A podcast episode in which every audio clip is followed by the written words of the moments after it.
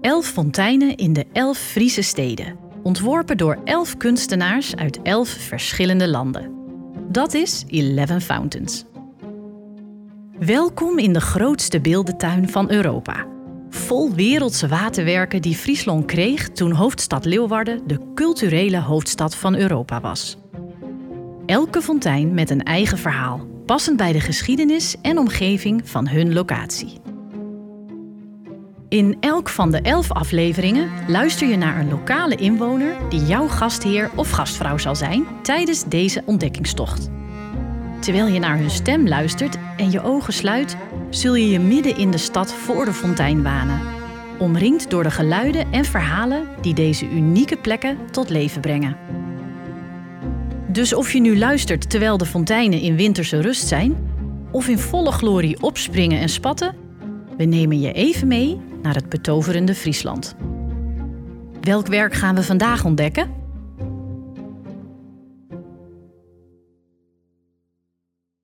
Hoi, mijn naam is Simonia. Ik ben projectmanager van beroep en inwoner van het Friese Warkum, of in het Nederlands Workum. Deze stad heeft voor mij alles.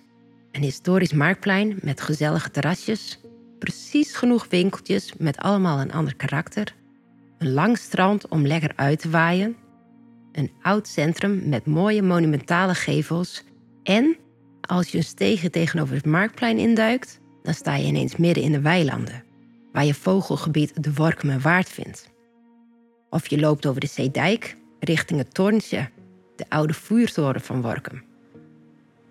Hier heb je uitzicht over het IJsselmeer met de vele surfers en zeilers. Of bezoek je Workum in de herfstvakantie? Dan waai je je terug in de tijd en ligt de havenkom vol met authentieke zeilboten.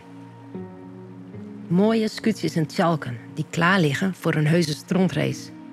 Dat klinkt misschien wat onsmakelijk, maar de race kreeg zijn naam omdat in het verleden koe- en kunstmest van Friese boeren naar Zuid-Holland werd vervoerd. Vandaag vertel ik je over de Woeste Leeuwen van Workum. Dat is de naam van de fontein die in mijn stad staat. Welkom in Workum, een kleine stad aan het IJsselmeer. Je zou denken dat het een echte waterstad is. Goed, dat is het ook wel, als je kijkt naar onze havens en het aantal kiters stelt bij de populaire kitesurfspot.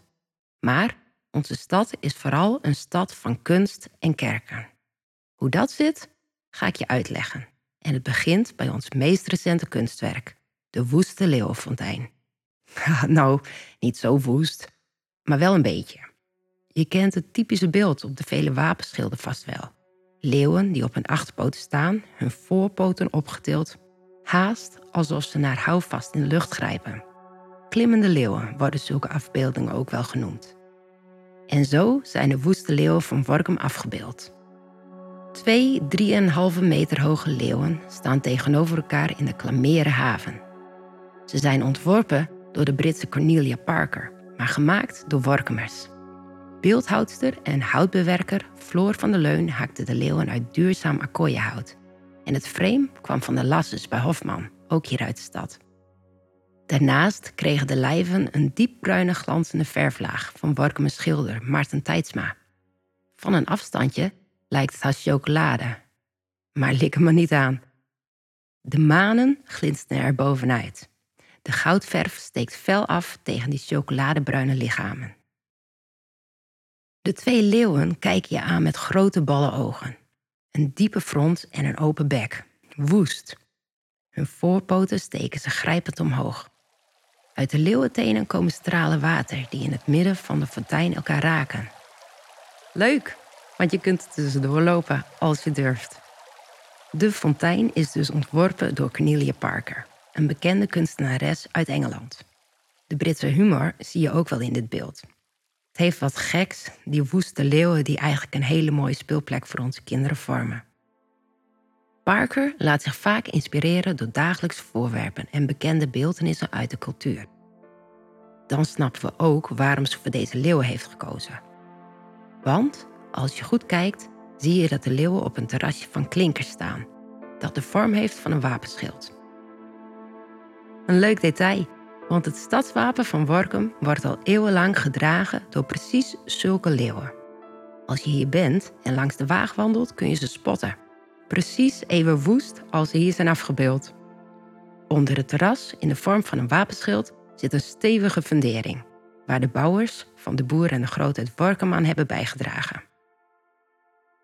De leeuwen geven met hun lijven en poten een prachtig doorkijkje naar de imposante Sint-Gertrudeskerk verderop. Het is de grootste laat-gotische kruiskerk van onze provincie en werkelijk een imposant ding. Als je de leeuw fotografeert, leg je dus precies twee parels vast. In de zomer en in de winter. Als je goed luistert, kun je zelfs alle geluiden van Workum in één keer vangen. Klaterende fontein, de bootjes in de haven en de klokken van de kerk. Mooi hè? Water, kerken en kunst dus. Kunst speelt een bijzondere rol in Workum. Zo kent de stad een bijzondere stijl van aardewerk. Workumer aardewerk is te herkennen aan de verfijnde lijnen in de potten, tegels en vazen. Als ik de Friese kerfsnee zeg, weten kennen wel wat ik bedoel. Ken je het nog niet? Dan moet je tijdens je bezoek zeker een stop maken bij Pottenbakkerij Kunst en het winkeltje dat erbij zit. Maar dat aardewerk dat is niet de enige reden om Workum als stad van kerken en kunst te bestempelen. Die titel heeft de stad eigenlijk vooral te danken aan de beroemde Jopie Huisman, die overigens zijn schildercarrière wel begon in de pottenbakkerij. Later, als kunstschilder, hield hij zich niet meer bezig met het beschilderen van potten, maar van canvas. Hij maakte een heel eigen type stillevens. Geen bloemen, fruit en schalen, maar vodden, jassen, schoenen en zelfs onderbroeken.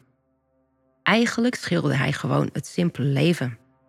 Die schilderijen leveren tegenwoordig miljoenen op, terwijl hij er zelf bar weinig aan verdiende. Niet omdat hij pas na overlijden een gevierd kunstenaar werd, zoals de Van Goghs van leer. Nee, deze eigenwijze Workmer koos daar zelf voor. Hij gaf zijn schilderijen weg aan mensen van wie hij vond dat ze het verdienden. En hij wilde er geen euro voor krijgen. De omgeving van Workum gaf hem veel inspiratie. Het simpele leven, de boerderijen zonder opsmoek, de kleuren van de landerijen. Voor hem bestond het leven uit schilderijen en palingvangen. Het was een bijzondere en authentieke inwoner van Workum. Hij vond ons stadje het paradijs op aarde. De hemel kan voor mij nooit mooier zijn dan dit, zei hij. Als je benieuwd bent naar zijn werken en meer wilt weten over het leven en zijn kijk daarop, moet je echt langs het Jopie Huisman Museum. Het is een van de populairste kunstmusea van Friesland en zeker de moeite waard om een bezoekje aan te brengen. Ik ben benieuwd welk werk jij het mooist vindt. Mijn favoriet, het Merelnest, hangt er helaas niet. Dat is gestolen tijdens een mysterieuze kunstroof die landelijk bekend werd. Er bestaat zelfs een loeispannende podcastdocumentaire hierover. Zeker de moeite waard om te luisteren. Het was trouwens ook een religieus man, die Jopie. Misschien hebben de vele kerken van Workum daar wel aan bijgedragen. Want hoe klein de stad ook is, je vindt er tal van kerken. En de meest imposante kerk is wel de kerk die je achter de leeuwen ziet, waar ik eerder al over vertelde, de Sint-Gertrudeskerk. De meeste bezoekers komen niet zozeer voor het bouwwerk zelf, maar vooral voor wat er in te vinden is. Twaalf beschilderde gildebaren zijn hier bewaard gebleven. Op de baren worden de activiteiten uitgebeeld van schippers, apothekers, chirurgijns, landbouwers, zilversmeden en timmerlieden. De baren werden gebruikt om een overledene naar zijn graf te dragen. Kleinste baar is duidelijk voor de overleden ben, kinderen. En dat doet bezoekers soms een traantje wegpinken. Inmiddels heb ik je al heel wat verteld over mijn stad en de bijzondere fontein die je hier kunt vinden. Maar naast kunst en kerken is er natuurlijk nog veel meer te ontdekken in ons historisch Workum.